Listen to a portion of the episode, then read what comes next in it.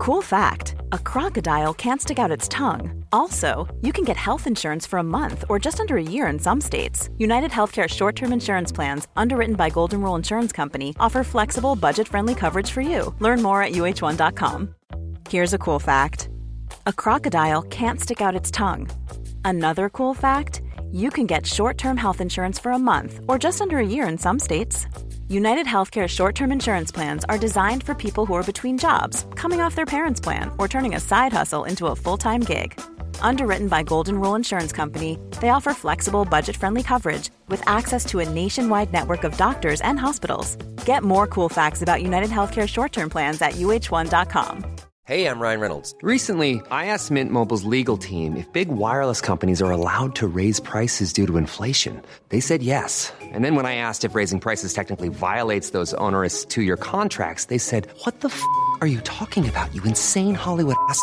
So to recap, we're cutting the price of Mint Unlimited from $30 a month to just $15 a month. Give it a try at mintmobile.com slash switch. $45 upfront for three months plus taxes and fees. Promo rate for new customers for limited time. Unlimited more than 40 gigabytes per month. Slows. Full terms at mintmobile.com.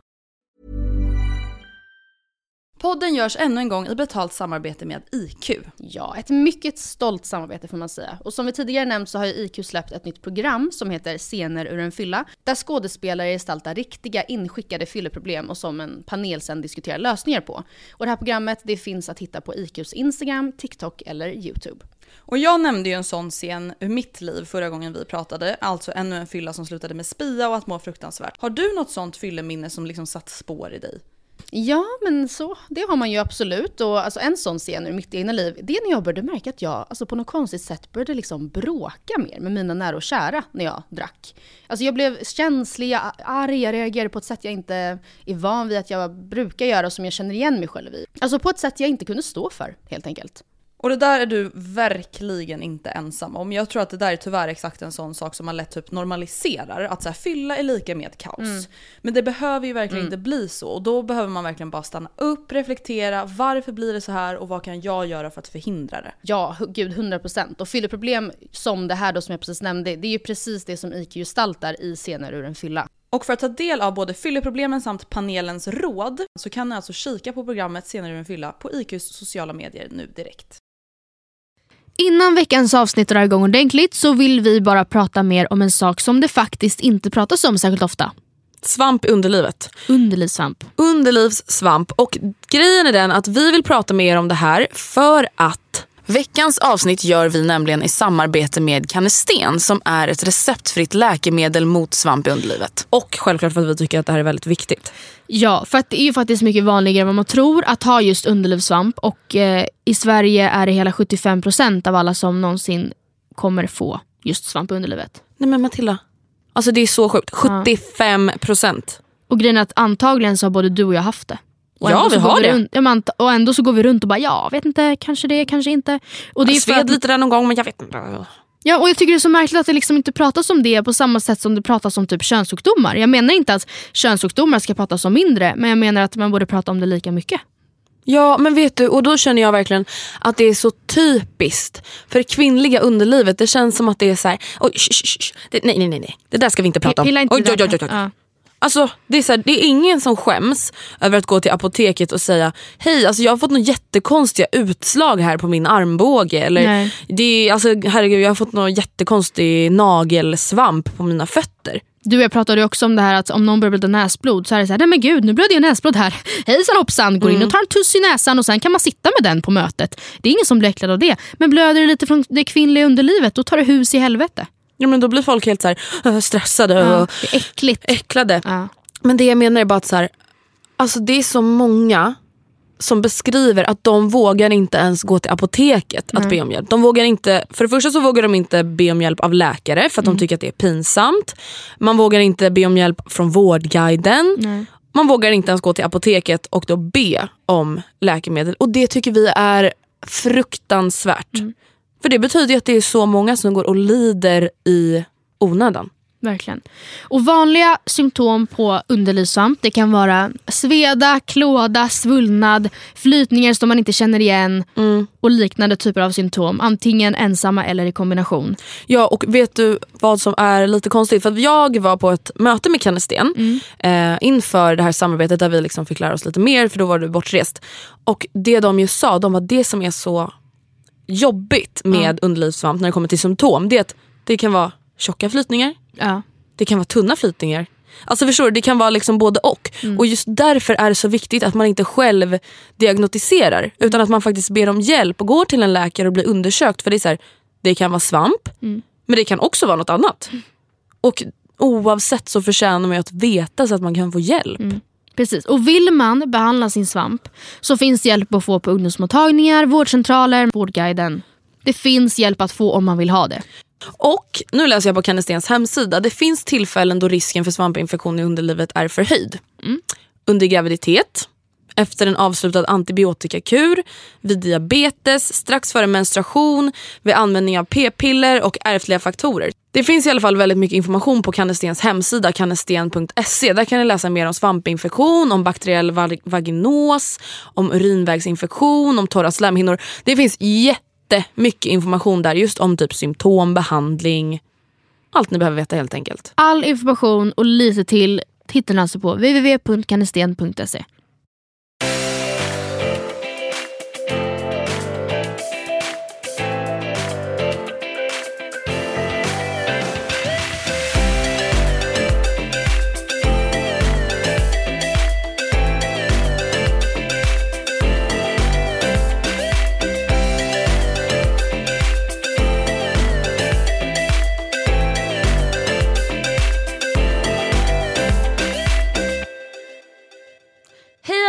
allihopa och välkomna till avsnitt nummer 180! Jubileumsavsnitt! Oj. Oh my god, mina öron. Vi bara... Vilka människor sitter och applåderar åt sin egna podd. Applåderar upp sig själva. Det är för att ingen annan gör det. Ingen visar oss uppskattning. Okej jo, det gör, alla lyssnare gör det men ingen annan. Man bara, vad- vilka? vilka mer Ja men vi pratade om att vi ville vara med i Fångarna på fortet. Ja. Typ sån uppskattning. Mm. Hade ju varit något. TV4 hit us up. Ja, men då Eller slå oss i det. Hit us! Hit us. Ja, ja, please. whatever. Ja nej men eh, hur är läget, hur mår du? Eh, läget är bra. Jag har precis äntrat eh, en stressig vecka i mitt liv. Mm. För att idag är det måndag och på onsdag så har jag eh, första tentan för terminen. Och eh, det är i ett ämne som jag typ inte ens vet vad det är. För att det är typ inte ens ett ämne. Alltså, Det är så oklart alltid. nej men det är bara olika metoder för hur man typ forskar. Man bara ursäkta mig. Jag Ingen bryr sig. riktigt om jag bryr mig. Nej men det är ju bra för att vi ska skriva uppsats. Ja. Så här, bla bla bla. Men eh, så nu är det ju så här, två dagar kvar.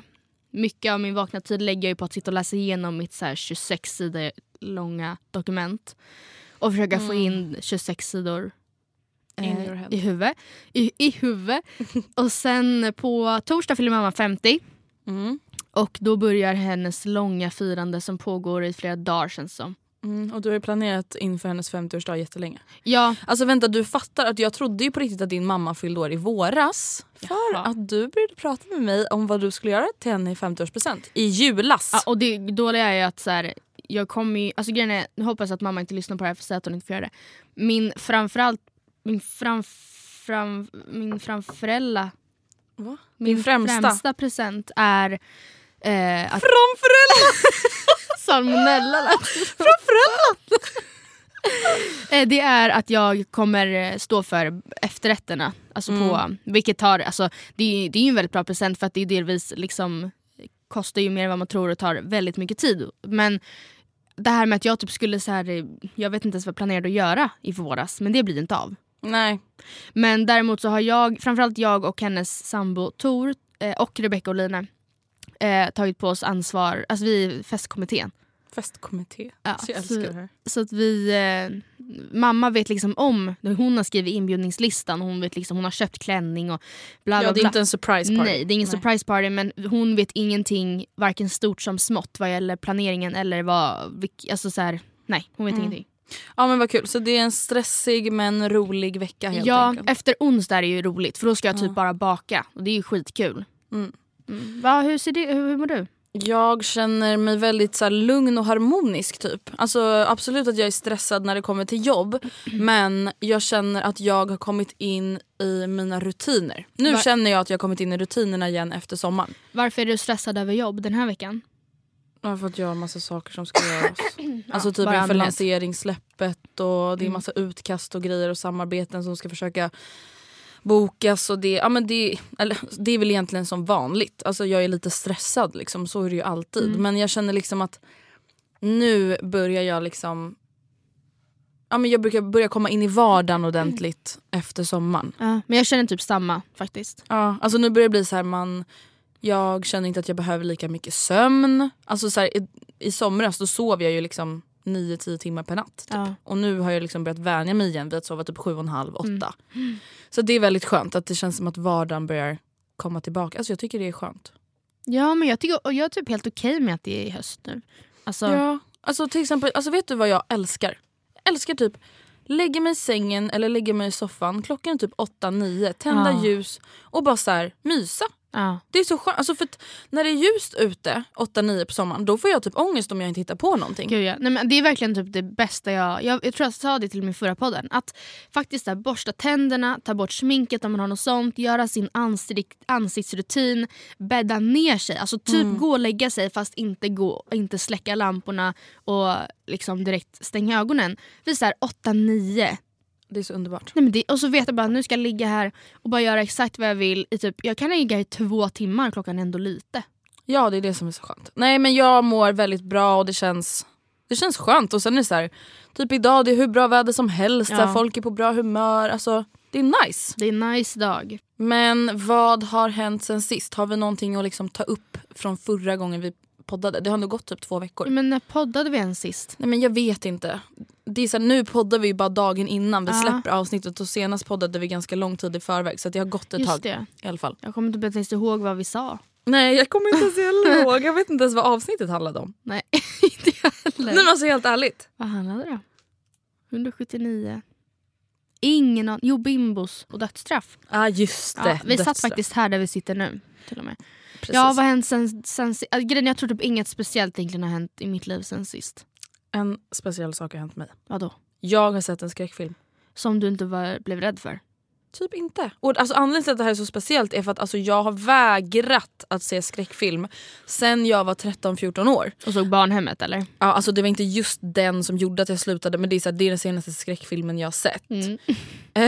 ja, men det, vadå, den var ju läskig. Då i alla fall. Ja, Anton skrattade Ja, när jag jag sa såg det. Jag, då bara kände jag bara, ingenting. ursäkta mig Anton, det var en jätteläskig film. Vet du vad han sa efter Vad vi då? såg It? Ja. Vi såg då It, det, den här clownfilmen. Ja.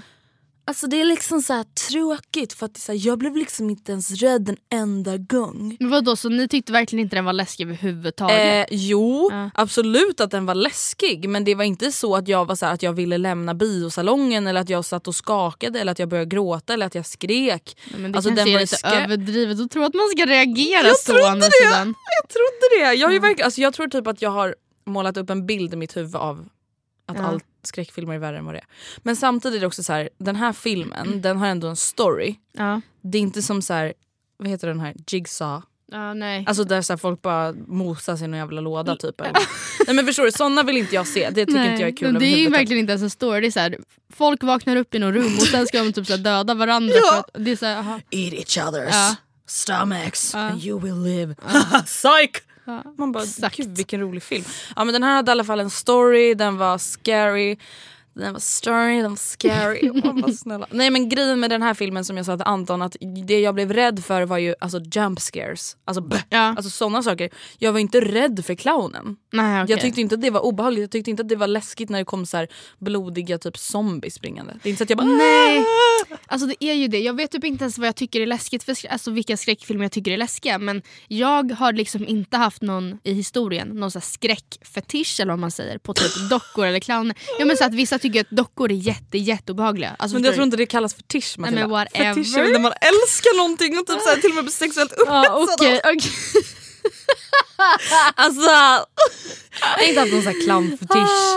Bara, Nej, det har du inte så många. Clownfobi kanske. Clownfobi kanske Ja, man säger. Ja. Motsatsen. ja, nej, jag, Ja, nej. Jag, liksom, jag har inte haft någon sån. Mm. Eh, och jag vet typ inte ens... Jag, jag tyckte att de här The Conjuring har varit läskig. Jag har ju inte sett. Och sen... jag har ju missat typ tio år av skräckfilm. Ja, det, det, de är faktiskt väldigt läskiga. Jag, måste säga, jag har ju sett The Ring och vad heter den här andra? Barnhemmet. Nej men de här andra som, är så här, som inte ens typ är läskiga. Hon med svart hår som kommer krypandes ut ur tvn. Men gud, The Grudge. The Grudge! Men det var väl Usch. inte ens en skräckfilm. Alltså, Va? jag kommer ihåg när jag, när jag var typ så här 10, 11, 12. Alla pratade om The Grudge. Alltså alla gjorde det. Det var verkligen så här, The Grudge. Ja, och jag bara oh my god jag måste se den där filmen någon gång. Och sen så såg jag den och det var liksom någon scen då hon kom krälandes ner för trappan och den var typ från så här 1985 så det är ju skitdåligt gjort. Alltså så här, det ser ju jättedumt ut Den är från bara. 2004. Okej. Oh my god! Okej, men, Still though, nej, men jag vet inte, jag tycker faktiskt att The Grudge är jätteobehaglig. Det är någonting med... Alltså, Nej, jag det, det jag alls. tycker är läskigt är ju när det är typ psykiskt läskigt. Alltså typ det här väntan på att någonting kommer Ja, kanske hända. Det är det exakt. som är läskigt. Det är ju inte läskigt när jag väl ser en kniv Nej. gå igenom någon. Det är inte så att jag bara... Okej. Det tycker du är ganska nice eller? Ja, det är väl en fetisch. Jag ska bara, nej men alltså det är inte så att jag blir rädd. Nej. Alltså, för att jag vet ju att det är film. Nej men jag är samma där också, att det är typ därför jag inte tycker att de här Saw-filmerna är så läskiga. Eller när det springer zombies. För det är så här, en dock, eller så en person som, de har, som har suttit in och smink i typ så fem timmar.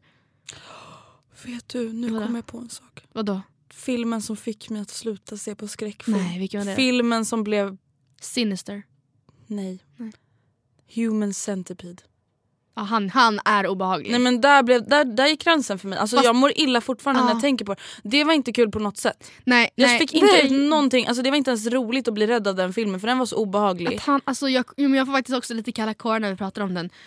Dels för, för att han var ju så jävla obehaglig, Mm. men också för att han, var- han jagade ju typ alltid dem alltså i huset. För De hade alltid bråttom och skulle Nej, så fly ut från det där rummet med det stora fönstret och så stod han där och...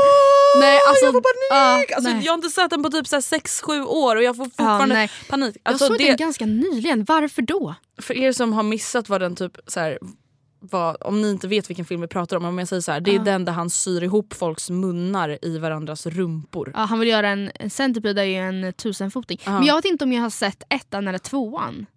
Vadå finns det fler? Ja det finns två. Ja, hur som helst, den är faktiskt väldigt obehaglig. Den var, det var bara jobbigt, det var som en mardröm. Du vet när man, när man springer i drömmen och, man, och det går långsamt. Alltså du vet att man bara såhär, vad fan, vad fan? Så kändes typ hela den filmen. Ja, nej. Men jag är i alla fall stolt över mig själv över att jag kollade Men- på It och att jag klarade det utan att må så här jättedåligt. Får jag fråga varför, ni ens, alltså, varför gick du med på det? FOMO. Fear of missing out. Men vad, Nej men jag har fan haft sån panik nu. Nu har alla pratat om den här filmen. Ja, jag har inte sett den. Är den värd att se? Ja men jag tycker det. Alltså Okej. jag tycker ändå att det var en bra film och jag Mm. har ju som sagt ändå hatat skräckfilmer. Eh, de har pratat om det på Nyhetsmorgon, det är varenda tidning, det är varenda instagramkonto, det är Bill Skarsgård, Ja. wow, wow, wow, oh my god, oh my god. Alla, alltså den har ju redan, jag lyssnade på Alex och Sigges podd, de sa att den hade tjänat 350 miljoner Miljoner dollar. Ja, Och den har liksom typ så funnits en vecka eller? ja typ. Alltså förstår du, då känner jag bara så här, det här kan inte jag missa, nu får jag skärpa mig. ja, nej, men jag borde kanske också gå och se den då. Gör det. Mm.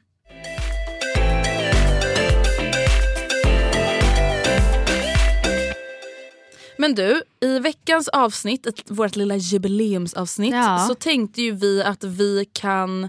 Först tänkte vi vi kör en frågepodd men sen så kände vi nej vi kör lyssnarmailpodd istället. Ja. Och för er som undrar vad skillnaden är så tänker vi frågepodd, då är det lite så kortare frågor. Men det är väl frågor till, alltså, om oss eller Ja. man säger. Nu är det mer, kanske mer dilemman eller lyssnarfrågor. Alltså Mm. deras egna frågor om sig själva eller whatever. Ja. Precis. Så jag tänker att jag börjar läsa upp första mejlet vi har fått. Ehm, ja. Japp.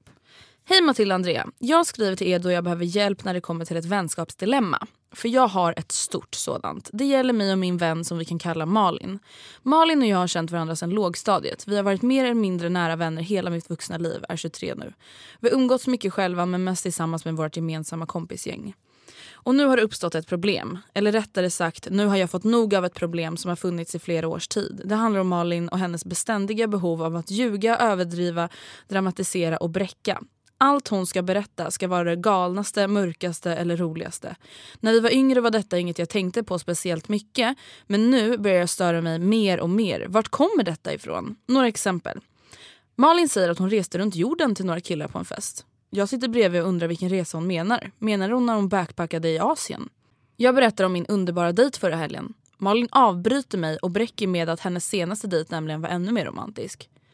Vi diskuterar utbildningar, vi pratar också om högskoleprovet och vad man fick för poäng. Malin säger då att hon fick 1,4 men jag vet att hon fick 1,0. Hon måste alltså ha glömt bort att hon berättade sitt resultat tidigare för mig.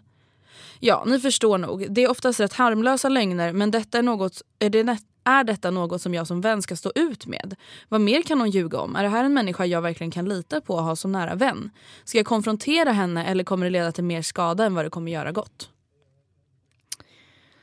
Ehm, Vi har alltså en vän, en nära vän som Barndomsvän. Hon, barndomsvän som de fortfarande håller ihop med som egentligen typ överdriver och lite så här ljuger Kryddar. och kryddar allting.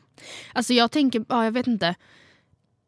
Jag skulle väl vara lite mer så här whatever för min del om hon gör så här. Men det är ju kanske för hennes egen del som det inte är så bra. Jag tänker just så här, den här historien om eh, vargen kommer. Att om hon alltid kryddar allting och överdriver allting, hur vet man när det är allvar? typ? Ehm, och att det här grundar sig antagligen i att hon på något sätt har ett Alltså hon känner sig typ inte bekräftad som hon är. Hon tycker Ja. inte att den uppmärksamheten hon får med det hon, för den hon är är bra nog eller tillräckligt mycket. Ja, alltså för det var typ också min första tanke att så här, jag förstår att det är lätt att bli arg på henne. Alltså så här, för att jag hade också blivit provocerad och bara så här, vad är ditt problem? Alltså kan du bara vara dig själv för det här är så jävla weird. Men det man måste tänka på är just att så här, den här människan mår ju inte bra. Nej. Alltså om hon känner, ett, alltså för att så här, om hon känner det här behovet när hon är 23. En grej när hon var typ sju och så verkligen ville ha en kanin och sa att hon skulle få en kanin fast hon inte skulle det. Men att vara 23 år och sitta och så halvljuga. För det är, så här, det är inte så att hon verkar hitta på saker utan det är så här, ah, jag åkte jorden runt. Ja, Man bara, fast du var i Filippinerna. Zero konsekvenstänk. Alltså tänk då på det här med typ högskoleprovet. Hon bara, jag fick 1,4 och så fick hon egentligen bara 1,0 så söker hon in en utbildning så kommer hon inte in och alla bara men Malin du fick ett- 1,4. Vad är grejen? Ja, du borde verkligen komma in där, det måste vara något fuffens. Du borde nästan, alltså, hur ska hon ta sig ur det där? Eller om hon bara, ah, men, aha, men vart var det någonstans då på andra sidan jorden? Och hon ska, ska hon fortsätta ljuga då och säga att hon också var i Australien? Ja.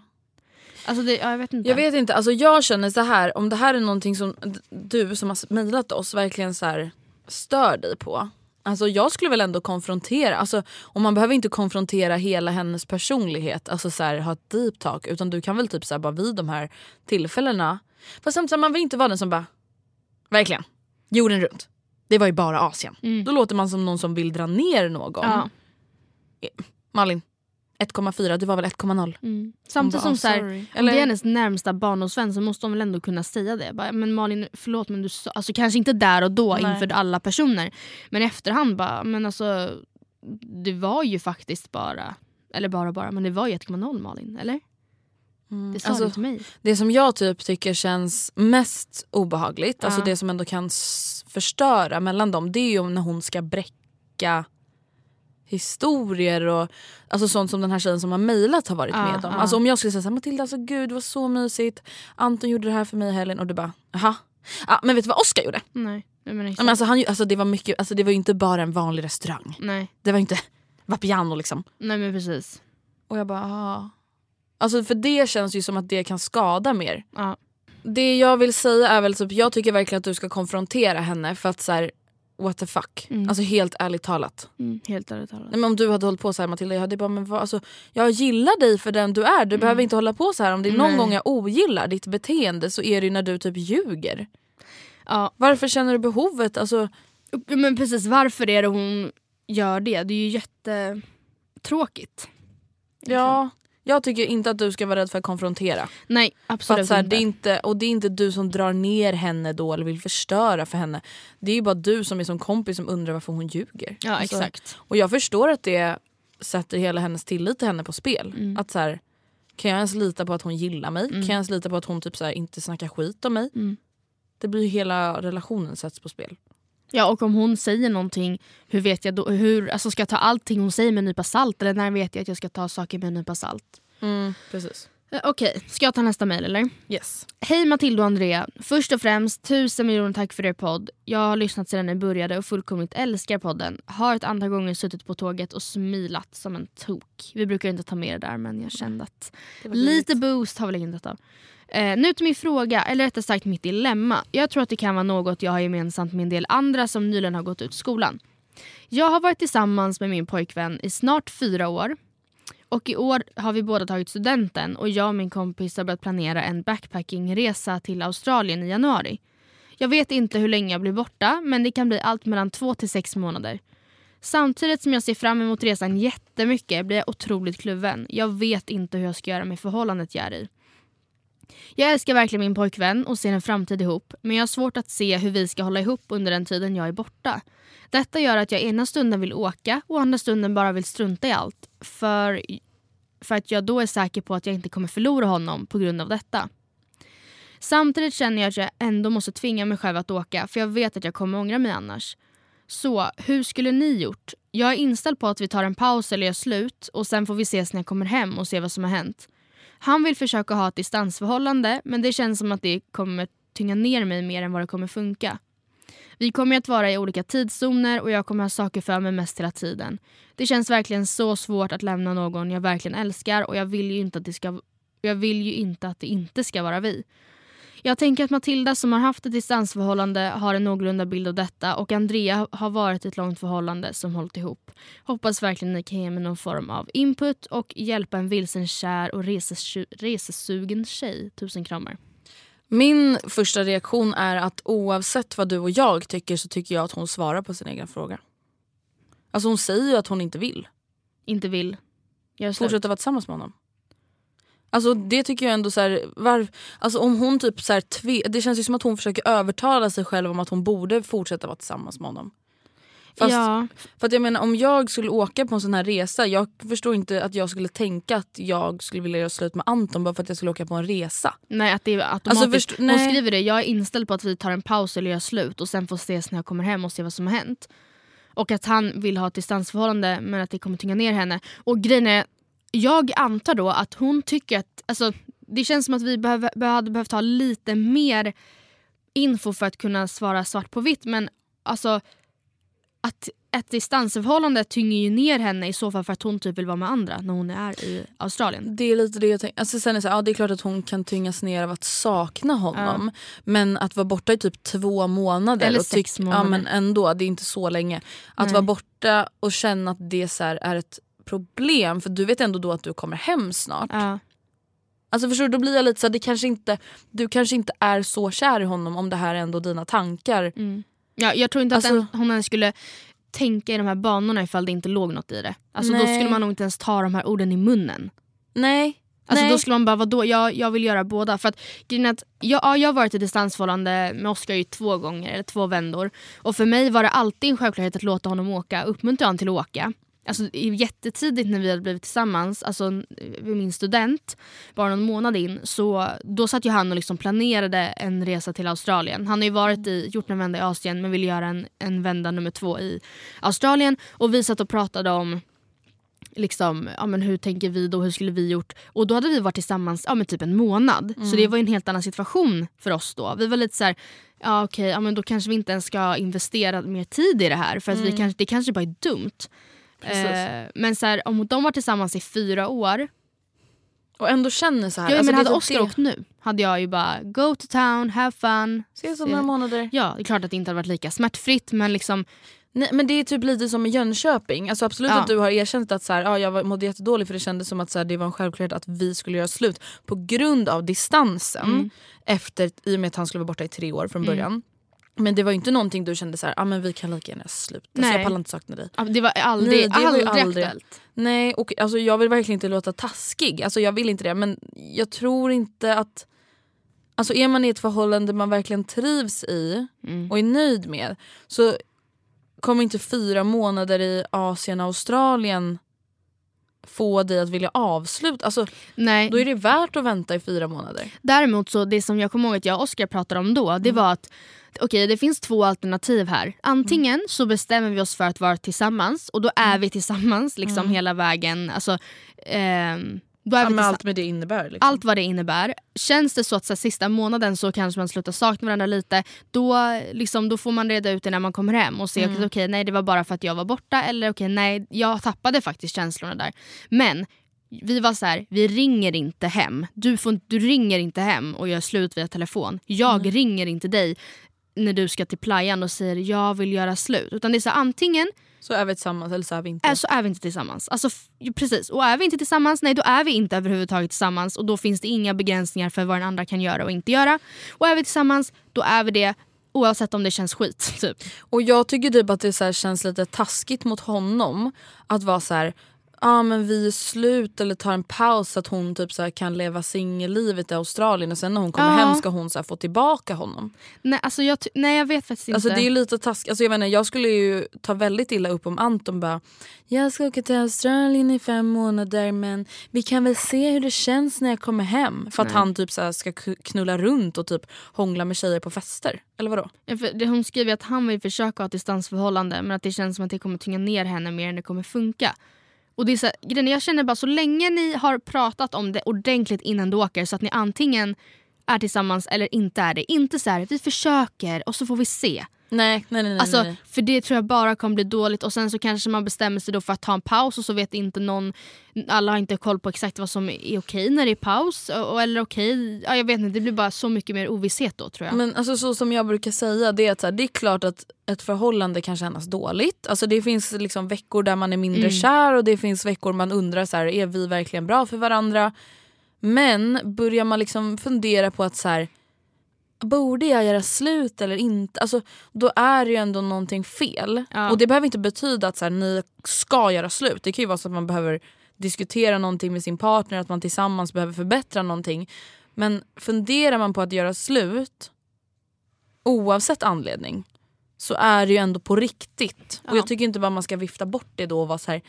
Ja, alltså jag vet inte. Nej. Nej men sen kan jag däremot säga som en sista liten peppig kommentar att om man är säkra på varandra eh, och liksom båda anstränger sig för att det ska funka i den mån det går när det är tidsskillnad och bla bla bla så är verkligen inte distans, speciellt inte under en tidsbestämd period, ohållbart. Alltså Nej. det funkar. Man, vill man lösa det, då löser man det. Det handlar bara om att man måste vilja det tillräckligt mycket. Precis. Ryan Reynolds here from Mint Mobile. With the price of just about everything going up during inflation, we thought we'd bring our prices down. So to help us, we brought in a reverse auctioneer, which is apparently a thing. Mint Mobile unlimited premium wireless. Ready to get 30, 30, bit to get 30, bit to get 20, 20, 20, bit to get 20, 20, bit to get 15, 15, 15, 15 just 15 bucks a month. So, Give it a try at mintmobile.com slash switch. $45 upfront for three months plus taxes and fees. Promo rate for new customers for limited time. Unlimited more than 40 gigabytes per month. Slows. Full terms at mintmobile.com. One size fits all seemed like a good idea for clothes Nice dress. Uh, it's a it's a t-shirt. until you tried it on. Same goes for your healthcare. That's why United Healthcare offers a variety of flexible, budget friendly coverage for medical, vision, dental, and more. So, whether you're between jobs, coming off a parent's plan, or even missed open enrollment, you can find the plan that fits you best. Find out more about United Healthcare coverage at uh1.com. That's uh1.com. Since 2013, Bombas has donated over 100 million socks, underwear, and t shirts to those facing homelessness.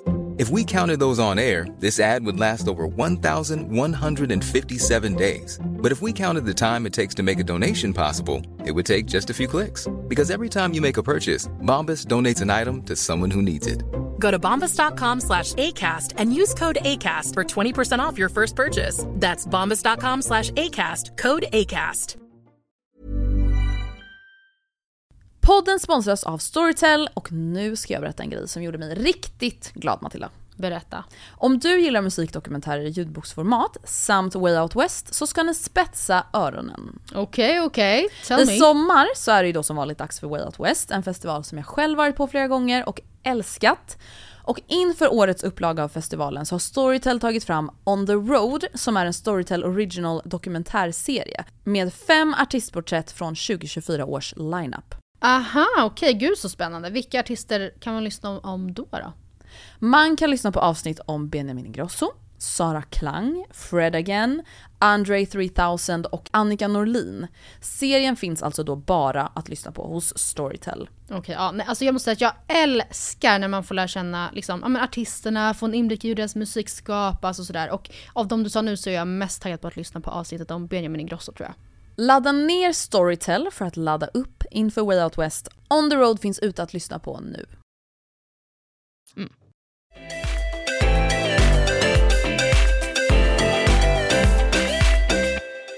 Okej, nästa mejl. Hej tjejer, jag vill bara börja tacka er för er podd och den fina Facebookgruppen. Den är verkligen så mysig, som ett megastort kompisgäng. Indeed. Matilda och Andreas bekanta. Mm, reklam. Ehm, jag har en sak på hjärtat, något som tynger mig. Och det är det här med oskulden. Att förlora oskulden är något som verkar för många lätt som en plätt. Något som hände för flera år sedan och då refererar jag till dem i min egen ålder. Och efter det har man legat runt både till höger och vänster. Men inte jag.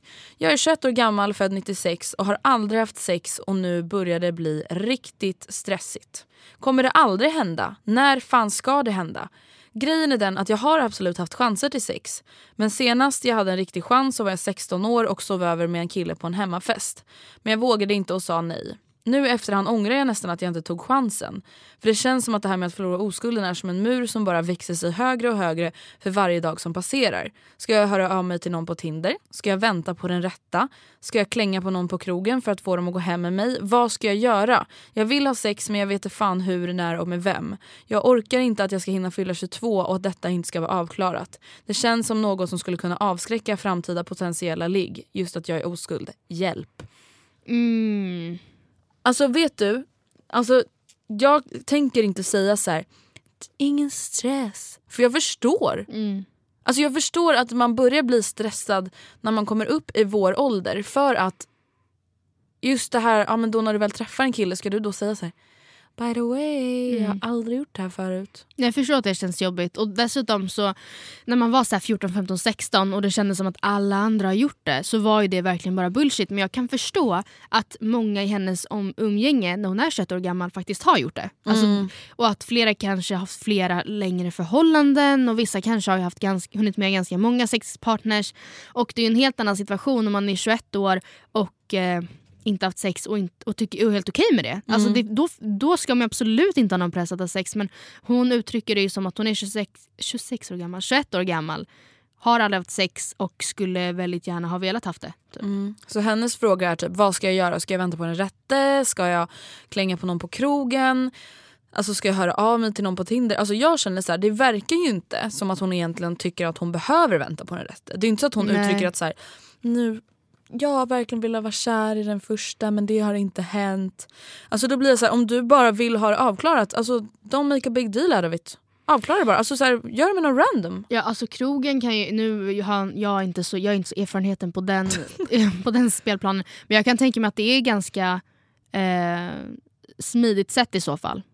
Alltså just för det kanske inte krävs att man ska ha värsta ditaget och berätta att man det är första gången. Det är så, här, ursäkta mig, som sagt nu har inte jag så mycket erfarenhet men är det någonsin superbra när man går hem? Alltså hon kanske inte känner någon lika stor press på sig då. Förstår du? För att det, är, det, är min, det är mycket mer kravlöst. Men tror du verkligen att det kommer bli alltså, minsta bra? Alltså första gången om hon är full. Alltså, jag tänker jag så här, vet inte, som kanske. tjej det är ändå ganska viktigt att du liksom kanske slappnar Ja. av och blir kåt. Alltså, Vet du vad jag dock tycker är lite tråkigt?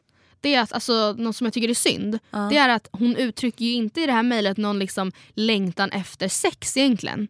Utan hon vill Nej. bara ha, o- alltså, hon tycker bara känns jobbigt att hon vill bara förlora oskulden för det är som en mur som växer sig högre och högre. Alltså jag tycker det är synd att den här pressen gör att hon som kanske egentligen inte ens är så super eh, Sexuellt. Nej, nej men alltså egentligen kanske uppenbarligen inte. För då kanske hon hade liksom sett till att det här hände tidigare. Eller liksom, och på ett sätt blir jag så här. Alltså hur sexuell var man innan man förlorade oskulden? Alltså Nej, förstår du vad jag menar? Det var ju ändå startskottet. ja det är jättesant. Du vet vad jag tänker? Nej, vadå? Alltså om du har tjejkompisar, Mm. eller killkompisar, whatever, kompisar som... Då tycker jag du ska säga så här. vet ni vad? Ni måste hjälpa mig.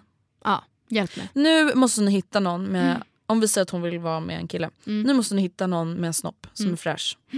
Använder det och tvättar sig runt pungen. Mm. Och ändå ser ganska bra ut och vill ligga med mig. Mm. Nu är det jakt. Mm. Nu ska jag ge mig på någon. Mm. Okej kanske inte riktigt men Jag bara, ni mm. mm, ja, ja. Nej men förstår ni, alltså nu, nu är det liksom Nu är det nyhetsbrev. Ja, det Massutskick i mejlen. Hej, Nu- ja. inom, innan vecka 43 ska detta ha skett. Mm. Eh, ni meddelar till mig varje vecka med eh, nya kandidater. Japp. Nej men varför inte? Men Som precis. att jag inte har någon, alltså jag har ju någon killbekant. Om du, vi säger att du skulle vara singel och Andrea jag måste ligga med någon. Mm. Då är det bara, vi träffar honom. Han kanske vill. Ja, ja. Jag tror Alltså man om får det söka bara är hjälp. sex, det är ingen du ska Exakt. behöva bli kär i. Nej. Nej precis. Nej. Absolut. Och som sagt, för jag skulle nog känna i så fall att jag vill göra det så odramatiskt som möjligt. Alternativt i, i samband med eh, fest. Samtidigt som det kan också bli väldigt fel. Jag vet inte heller om vi kan rekommendera det. Jag Ja. hade inte velat vara full när jag förlorade oskulden. Nej, Nu- nu var jag vinballe och yngre allt men också. ja, det, jag kan inte tänka mig något värre för mig. Vet du vad jag har för tips? Vadå? Eller det framgår inte. Men hon kanske, hon kanske aldrig har gjort, alltså, haft någon form av sex med Mm, någon. Mm, Hon kanske ska ta det lite etapper. mm. Hon kanske ska hitta någon kille på krogen, Ja, dra en tralla. jaha, i... Eh, I toalett? bus- busken. Jaha, äh, i.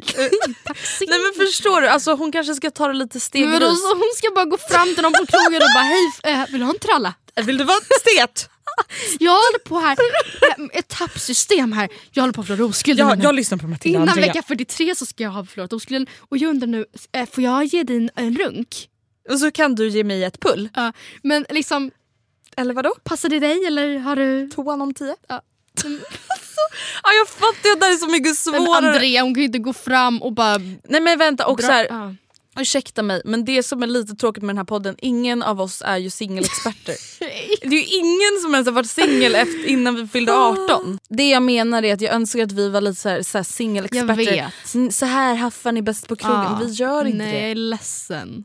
Alltså vi är liksom Matilda du har varit i, så här, i ett förhållande med två, typ så här, tre månaders Ja. paus sen du var 14. Jag har varit i ett förhållande med, sen jag var 15. Ja, jag kan ju dock berätta en liten härlig anekdot och det var Mm. ju när jag skulle ta hem Oscar från krogen. För det började som ett hemsläp efter en personalfest. Mm. Det har jag sagt tidigare. Men hur, hur gick det till då? Okej. Gick du fram och sa jag har ett etappsystem här, singel, Ja. jag måste ligga med någon nu? Eh, nej absolut inte så var det inte. Utan ehm, ja, hur var det egentligen?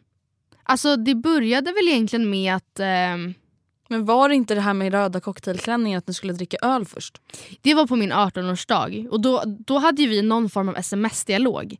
Och hur den började från första början, det var för att jag eh, vid ett tillfälle så stängde jag Oscar samtidigt och så gick vi tillsammans till bussen.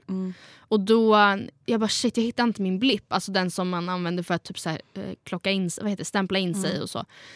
Eh, så jag bara, ah, men fan jobbar du imorgon? Kan inte du kolla om jag har glömt den någonstans, typ i personalrummet eller någonting? Han bara, jo men absolut. Och sen så hittade jag den och då skrev jag till han på Facebook, eh, hittade den typ. Och sen efter det så bara fortsatte det typ. Alltså, det- Saker eskalerade Things efter escalated. blippen. Ja. Men sen så vet jag väl inte riktigt hur det kom sig att, ehm, att det liksom blev mer Blev ett än hemsläpp? så. Nej, nej det vet jag inte. För att, nej det vet jag faktiskt inte. Men kommer du inte ihåg om det var han eller du som bara... "Ska Det var han. hem?" Det var han. Och jag tyckte det kändes ganska jobbigt. Alltså nu höll jag poängtera, det var verkligen inte så att han tvingade sig på. Eller Nej men liksom- vadå det var för att du bodde hemma med dina föräldrar? Ja, och jag, grejen är så här, jag hade aldrig, jag, det är fortfarande enda gången jag har tagit hem en kille sådär mitt i natten. Alltså Mm. som de inte har träffat innan, det är jättestelt. Ja. Och jag hade ju panik och ändå satt jag väl där lite så här full och glad och bara, ah, men jag löser det. Alltså hur Mm. när någonsin tänker jag Det löser sig. det löser sig. tänker man Ja, inte. fy. Och Oscar han eh, var verkligen så. För det var inte hans familj och han tänkte väl antagligen inte att han skulle sen Bli kär och nej, behöva bli umgås med den med dem. familjen. Ja, nej, så då kom, kommer vi hem till min pappa. Mm. Klockan är mitt i natten så alla sover. Rebecca har sovrum på nedervåningen. Får jag bara säga en sak? Du Ja. ljuger eller hur om varför Oskar sover där till din pappa? Ja, det gör jag absolut. Såklart. Det är så Ja. typiskt dig också. Självklart gör jag det. Jag smsar pappa på vägen hem. Flera gånger. Han svarar ju dock inte för det klockan är mitt i natten och säger något stil med att en kollega till mig, han, bor, han bor i Örby. det var ett ställe i Älvsjö, jag visste vad det hette och där bodde ju du förut. Eh, han bor i Älvsjö, eh, närmare bestämt Örby och tågen går inte och eh, han har verkligen ingenstans att sova. Alltså jag fattar inte att jag inte förstod att jag bara gjorde det värre. Alltså du inte förstod att det där skulle vara så genomskinligt. Han bor i Örby. Ja, nej, så då, Närmare bestämt. Tågen går inte. och sen så svarar inte pappa såklart. Så jag bara, ja men då eh, får vi ta det imorgon. Och så då går vi hem till pappa och jag går in i Rebeckas rum. Där har Oskar efterhand sagt att han tyckte det var så jobbigt, vilket jag förstår. Jag går in till Rebecka och bara, ja, Rebecka, Rebecka, jag har en kille med mig. Och hon bara, aha, vad ska jag göra? Hon bara, ja varför har du tagit hit honom typ? Och då hade jag sån ångest och jag bara, gud ska jag bara kasta ut honom? Ska jag bara be honom åka hem typ? Eh, och Rebecka bara, vad fan ska jag göra med? Alltså vad vill att jag... Och Oskar stod precis bakom och bara, eh, hej hej. Oskar, tjena, hej. Typ. ja, så går vi upp och sen så morgonen efter vågar jag liksom inte ens gå ner för jag tycker det är så pinsamt. Så vi ligger där uppe i mitt rum ehm, och jag smsar Rebecka och bara vad, vad är prognosen? Typ? Hur, hur, hur är läget? Eh, typ. Och han, Rebecka bara ja nej pappa sa ju lite så att ehm, Det är någon som sover. Ja, ja såg du att hörde att Matilda tog med en kille? Det var inte så snyggt. Alltså lite för att, ja, men så här, Jag, så här, inte säg, ja, jag vet jag inte. tror inte att det var så att jag typ ligger med killar jag knappt känner. Nu kände jag Oskar men det var nog inte det. Det var väl mer just att så här, ta hem folk man inte känner. Alltså, men det, hade ju aldrig hänt förut. Nej men det är ju taskigt mot dem också. Hur fan ska de bete sig sen då när vi väl kommer ner? Alltså det är ju jättejobbigt för alla. Till slut kom vi ner och alltså, min familj är turligt nog ganska avslappnad så det gick väldigt bra och liksom som sagt nu efterhand kan man ju skratta åt det. Men låg ni då den kvällen? Eh, ja. Goals. ja, jag vet inte. Nej men alltså jag menar goals på riktigt. Alltså, ja. men, Men jag tänkte så här, det var dock ja, inte men, första gången vi låg. Nej men jag tänkte just så här, om, det, om ni inte gjorde det då hade ni ju ändå så här inget att, att det skulle vara stelt. Nej, Eller? Förstår Nej jag precis. Och grejen det här var sagt inte första gången vi hade sex och vi hade ju någon slags liksom, relation men den var väldigt liksom, festbaserad då. Varför kom jag in på det här? Jag kommer inte ihåg. Vi skulle ge lite tips. Det är hon som sen kom en trevlig anek- anekdot. Anekdot. Ja. Okej, nästa mail. Yes. Hej, Va, vad hade vi för råd för, till den här tjejen förresten? Kontakta ditt kontaktnät och skicka ett massutskick. Just det. Just det. Gör en plan med involvera plan. dina vänner. Ja. Etapper.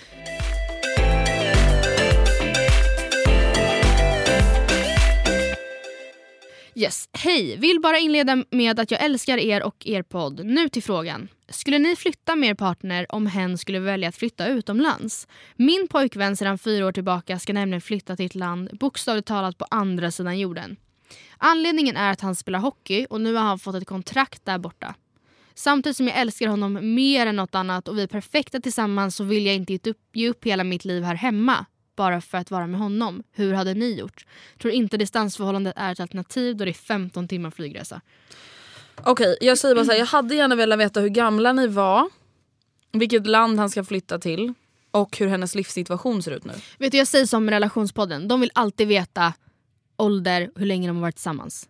Mm, de har varit tillsammans fyra år men jag hade velat veta ålder och jag hade velat veta vad hon gör. För är det så Ja. att hon, till exempel, flyttar han till ett roligt land eller flyttar han till någon så här liten by i Kina?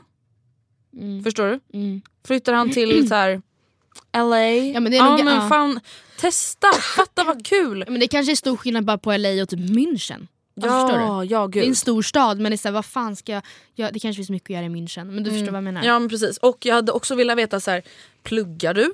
Eller jobbar du bara inom citationstecken på ett så vanligt jobb som du lika gärna kan ta en paus ifrån? Ja. Det hade jag velat veta. Men jag känner så här, jag förstår verkligen vad du menar med att Mm. du inte vill ge upp ditt liv. Men ska du inte försöka se det här som en chans att här, testa på? Ja. Alltså det värsta som kan hända är att du bara Nej, efter typ fyra månader bara okej nu har jag gett det här en ordentlig chans, jag tycker inte att det här är kul, det här funkar inte för mig. Då har du ändå försökt, för att han kommer inte stanna, han har ju fått ett kontrakt. Sen tycker jag det är viktigt också att tänka på ur ett jämställdhetsperspektiv. Att så här, okej, för jag tycker verkligen inte att det är jäm, ojämställt att flytta med. Men det är, verk, det är viktigt att tänka så här, okej om situationen hade varit omvänd, hade han ens funderat på att göra detsamma för mig?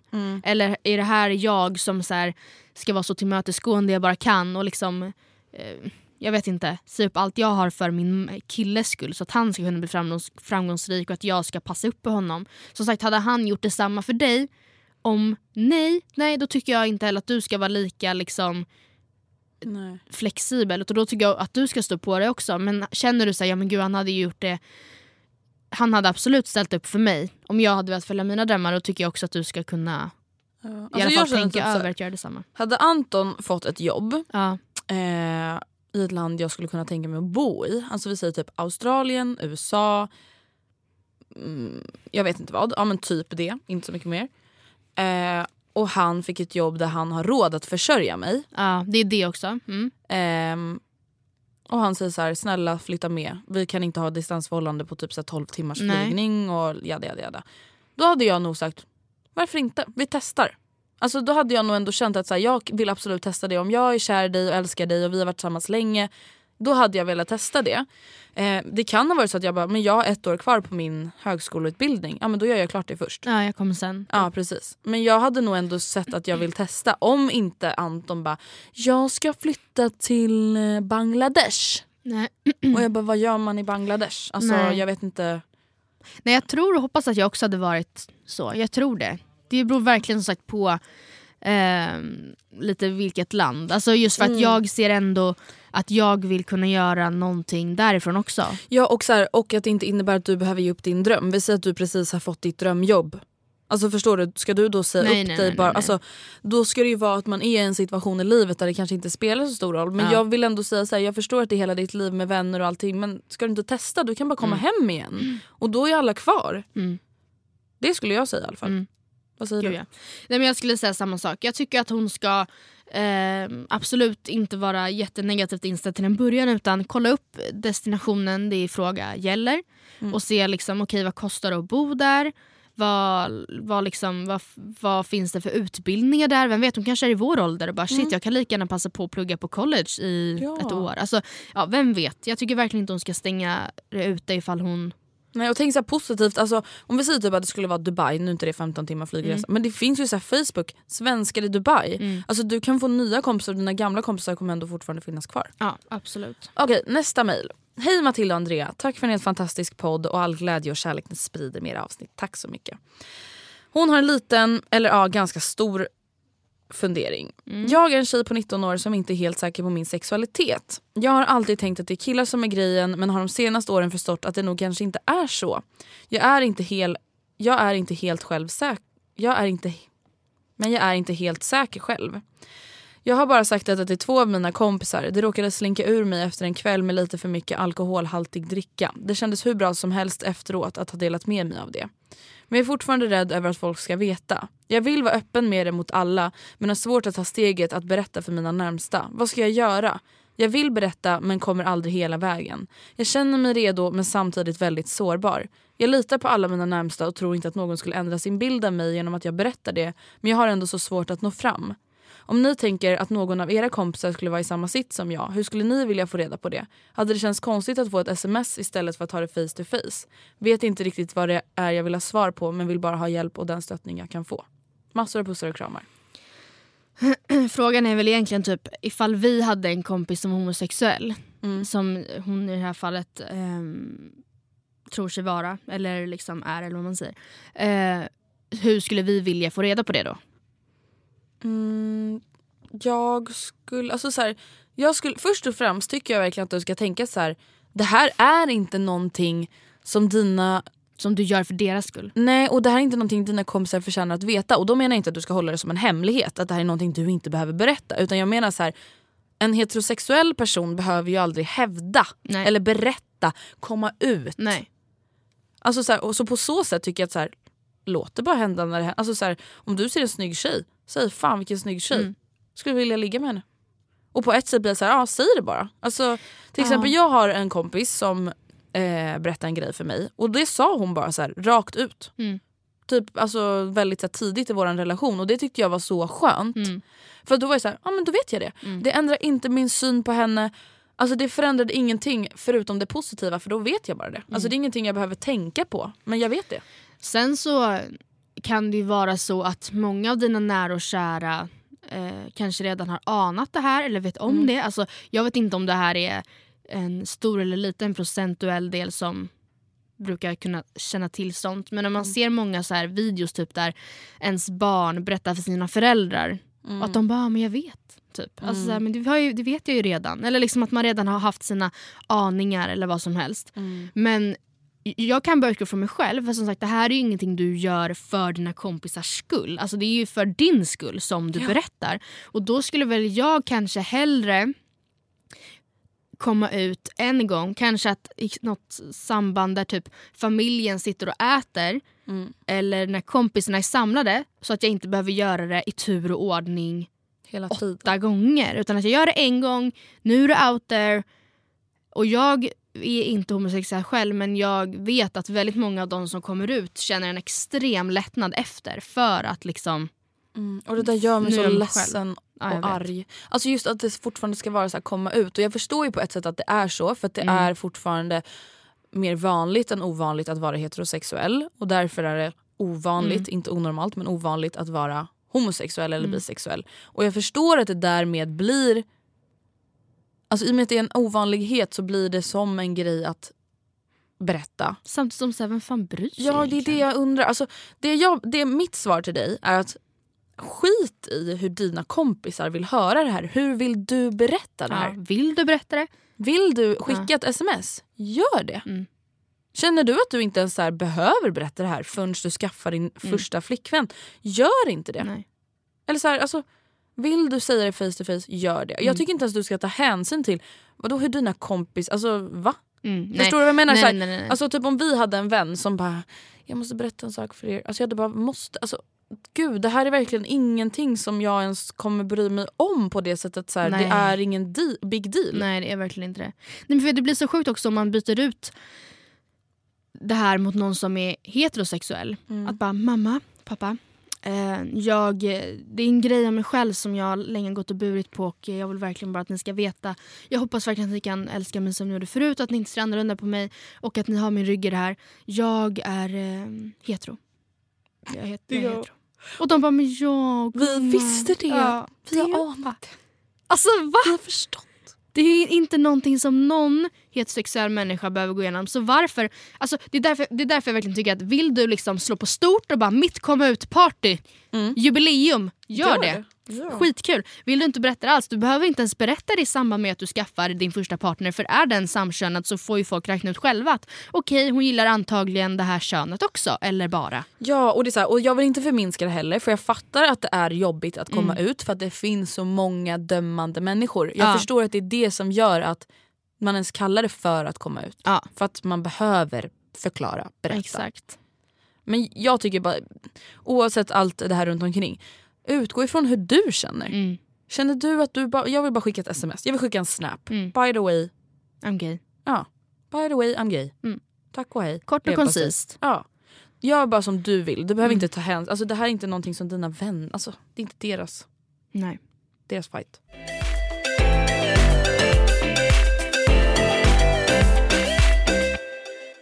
Okej, ett sista mejl. Hej Matilda och Andrea. Jag, det här är faktiskt ganska intressant mejl. Mm. Eller det är en fråga vi aldrig diskuterat här. Ja. Jag skulle behöva lite tankar från er angående sugar baby slash sugar daddy relationer. Jag har nämligen signat upp mig på en sån sida och vill dock klargöra att jag aldrig skulle ta emot presenter slash pengar mot sex eller liknande. Hur står ni inför en sån relation då en sugar daddy slash mama betalar en sugar... Alltså för att jag tycker bara namnen är så roliga. Eh, betalar en sugar baby för hens tid slash uppmärksamhet. Är det jag börjat närma mig helt emot de feministiska värderingarna eller kan det vara tvärtom? Måste ha lite hjälp att reda ut detta i min skalle för just nu är jag bl- förblind Just nu är jag förblindad av en assnygg väska jag vet att jag aldrig kommer kunna köpa själv. Och männen alltså villiga att betala denna om de får gå på dejt med mig, sex not included. Hjälp mig finna vägen. Tack ni mina gurus. PS. Lite fakta om det är oklart. Vissa män kan vilja ha en, en sexuell relation men träffarna är som vilken Tinder-dejt som helst då det är på bådas villkor. Så sex är aldrig ett krav från någon av partnernas sida. Man förhandlar om betalning i form av pengar och gåvor samt andra kostnader som studier, lån och boende. En relation kan avslutas när som helst. Ska jag läsa lite på Wikipedia? Yes. Sugar dating är en åldersmässig asymmetrisk relation, sexuell relation står det här, som består av ett arrangemang mellan en äldre part, sugar daddy eller sugar mama, och en yngre sugar baby eller boy toy. vilka ingår ett avtal om ersättning för relationen. Den äldre parten är vanligen förmögen och betalar den yngre för umgänge och den yngre parten är vanligen attraktiv ja, och kultiverad. Vad är det? Alltså, en äldre person typ betalar en yngre person för att dejta och typ ha sex. Eller? I, bliss, I vissa fall, men I i vissa vissa, fall fall, sex, ja. Inte. Alltså grejen är att på sätt och vis vill jag bara så här, vet du vad, gör precis som du vill. Mm. Samtidigt som jag också tycker att det är fel, om man nu kan säga så, att romantisera det här. Alltså som Mm. hon gör lite. Att hon så här, det är verkligen inget, inget, inget, inget liksom sexuellt. Eh, det är på bådas villkor. För att samtidigt så här, det är ju snudd på prostitution och är i vissa fall prostitution ifall relationen är sexuell. Och jag har typ svårt att se att det här ska så här funka och att båda så här mår bra i det. Det kan det väl göra men jag tycker Ja, verkligen inte ja. att man kan här, säga att det är hälsosamt. Punkt. Period. Nej. Alltså, Alltså, vet inte, alltså jag fattar, på ett sätt blir jag så här, ja om du får en dum gubbe Mm. att ge dig en väska för 20 000 för att du går och tar en fika med honom en gång i månaden. Mm. Do it, mm. you go Good girl. you. Ja, men alltså, och på ett sätt tycker jag att det är obehagligt. Ja, för det är den här här, gubben är ju uppenbarligen sjuk i huvudet. Precis. Ursäkta mig. Ja. Men alltså, Han ska ju spärras in. han, har, ja, nej, men alltså, han är ju... Han är ju Det är obehagligt. På det. Ja. det är det jag känner. Jag känner obehag. Och vet du vad jag tänker? Nu kanske jag är väldigt dömande. Jag tror absolut att många av de här männen i det här fallet kanske inte eh, rent juridiskt kan kräva sex men aldrig skulle tacka nej till sex ifall motparten, alltså det vill säga sugarbabyn, sa ja till det. Förstår du? Då tror jag väldigt få av de med sugar daddiesarna skulle bara “jaha nej nej jag vill bara betala din hyra, jag vill absolut inte ha sex med dig, jag känner ingen attraktion”. Alltså förstår Nej. du? Om hon bara “ja men jag kan tänka mig att ha sex” då tror jag absolut att de bara “jaha, okej”. Ja men det är det jag inte fattar. Alltså, jag fattar inte om det är vi som har missförstått. Alltså, som att någon bara vill ge dig pengar utan någonting i Men typ att man gengäld, går på dejter, typ åker med så här, sällskaps... Eh, alltså är det typ samma sak, nej det kanske blir jättefel, är det samma sak som en eskort? Fast det är ju väl, det är väl sexuellt. Är det alltid sexuellt? Ja det är alltid sexuellt men det är lite finare tror jag. Jaha. Ja, jag vet inte. Alltså, jag, jag så här, på ett sätt som jag sa, på ett sätt blir jag så här, ja så länge du mår bra och Mm. inte känner att du tar skada av det här. Eh, ja men ha din väska. Alltså skaffa din väska om du vill det. Mm. Men jag tror inte att, det känns inte som att det liksom på lång sikt kommer funka bra, att hon kommer må bra av det Nej, här. det är ju eller? feministiskt ur perspektiv att hon liksom kan aktivt välja att så här, mitt liv, mina val, Mm. jag gör som jag vill, bla bla bla. Det är ju icke-feministiskt ur ett perspektiv att det här är gamla gubbar som så här, vill ta hand om dig som att du vore någon liten, någon liten, Ja. någon liten ägodel. Det tycker jag inte är feministiskt och därför skulle jag inte kunna tänka mig att vara en sugar baby även ifall jag... Nej, men jag vill inte vara köpt av någon. Nej men grejen är så här, skulle jag sitta i en situation där jag bara shit alltså mina studielån är väldigt höga eller vad som helst skulle jag väl göra, ta, vidta väldigt många åtgärder först innan jag ens tänkte tanken att bli en sugar baby liksom. så kan jag säga. En boytoy. Ja. Åh, alltså fan, jag, vet, jag känner typ att jag är lite, är lite så... För opåläst, Ja, jag jag känner att jag är lite för opåläst. Ja, nej, så att, eh, liksom, det var jättekul att du skrev att vi är dina gurus men i den här frågan tror jag typ inte vi är det. Alltså jag skulle aldrig göra det. Eh, jag tycker att det är ofeministiskt till stor del, till viss del feministiskt. Eh, jag skulle vara rädd för min egen säkerhet, jag skulle vara rädd, tycka det var jobbigt ifall du gjorde det Andrea för jag skulle vara rädd för din säkerhet. Alltså, men eh, samtidigt kan inte vi sitta här och döma ut det helt. Och vi skulle absolut inte döma ut dig för det. Alltså, förstår du? nej, gud nej nej nej nej. nej. Verkligen Ja. inte. Det var alla mejl för den här gången och det var det 180 avsnittet av Matilda och Andrea. Yes, Men hörni, vi hörs i Facebookgruppen. det gör vi. Och sen hörs vi igen nästa vecka. Puss och kram. Skumbanan. Canesten Clotrimazol är ett receptfritt läkemedel, vaginaltablett, kapsel och kräm för behandling av underlivsinfektioner orsakade av mikroorganismer känsliga för Clotrimazol, såsom gästsvampar, Candida albicans. Varningar och försiktighet. Barn mellan 12 till 15 år och postmenopausala kvinnor ska bedömas av läkare före användning av Canesten för att utesluta andra orsaker till symptomen. Förstagångsinfektion eller infektion med allmänsymptom som till exempel feber eller buksmärtor ska alltid diagnostiseras av läkare. Om du är gravid eller ammar, rådfråga läkare innan behandling. Läs bipacksedel före användning. Mer information finns att hitta på www.bayer.se.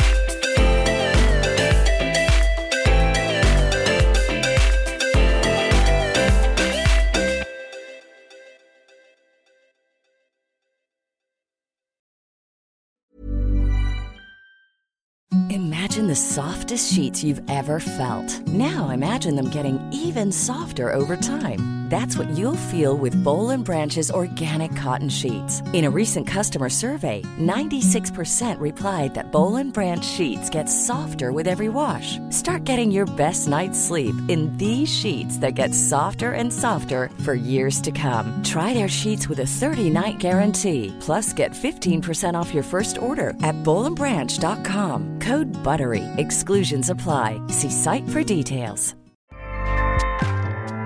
ACAST powers the world's best podcasts. Here's a show that we recommend. The Real Housewives is a guilty pleasure for most, but if you're looking to not feel guilty about that pleasure, tune in to Everything Iconic with me, Danny Pellegrino, where I break down all the messy moments and behind the scenes antics of Bravo's popular franchise. And on Everything Iconic, I also interview celebrity guests like Kelly Ripa, Kiki Palmer, Drew Barrymore, Cameron Diaz, and more about their guilty pleasures, their past work, and so much more. So if you're pop culture obsessed and find yourself watching way too much reality TV like me, tune in to Everything Iconic with Danny Pellegrino wherever you listen to podcasts. ACAST helps creators launch, grow, and monetize their podcasts everywhere. ACAST.com.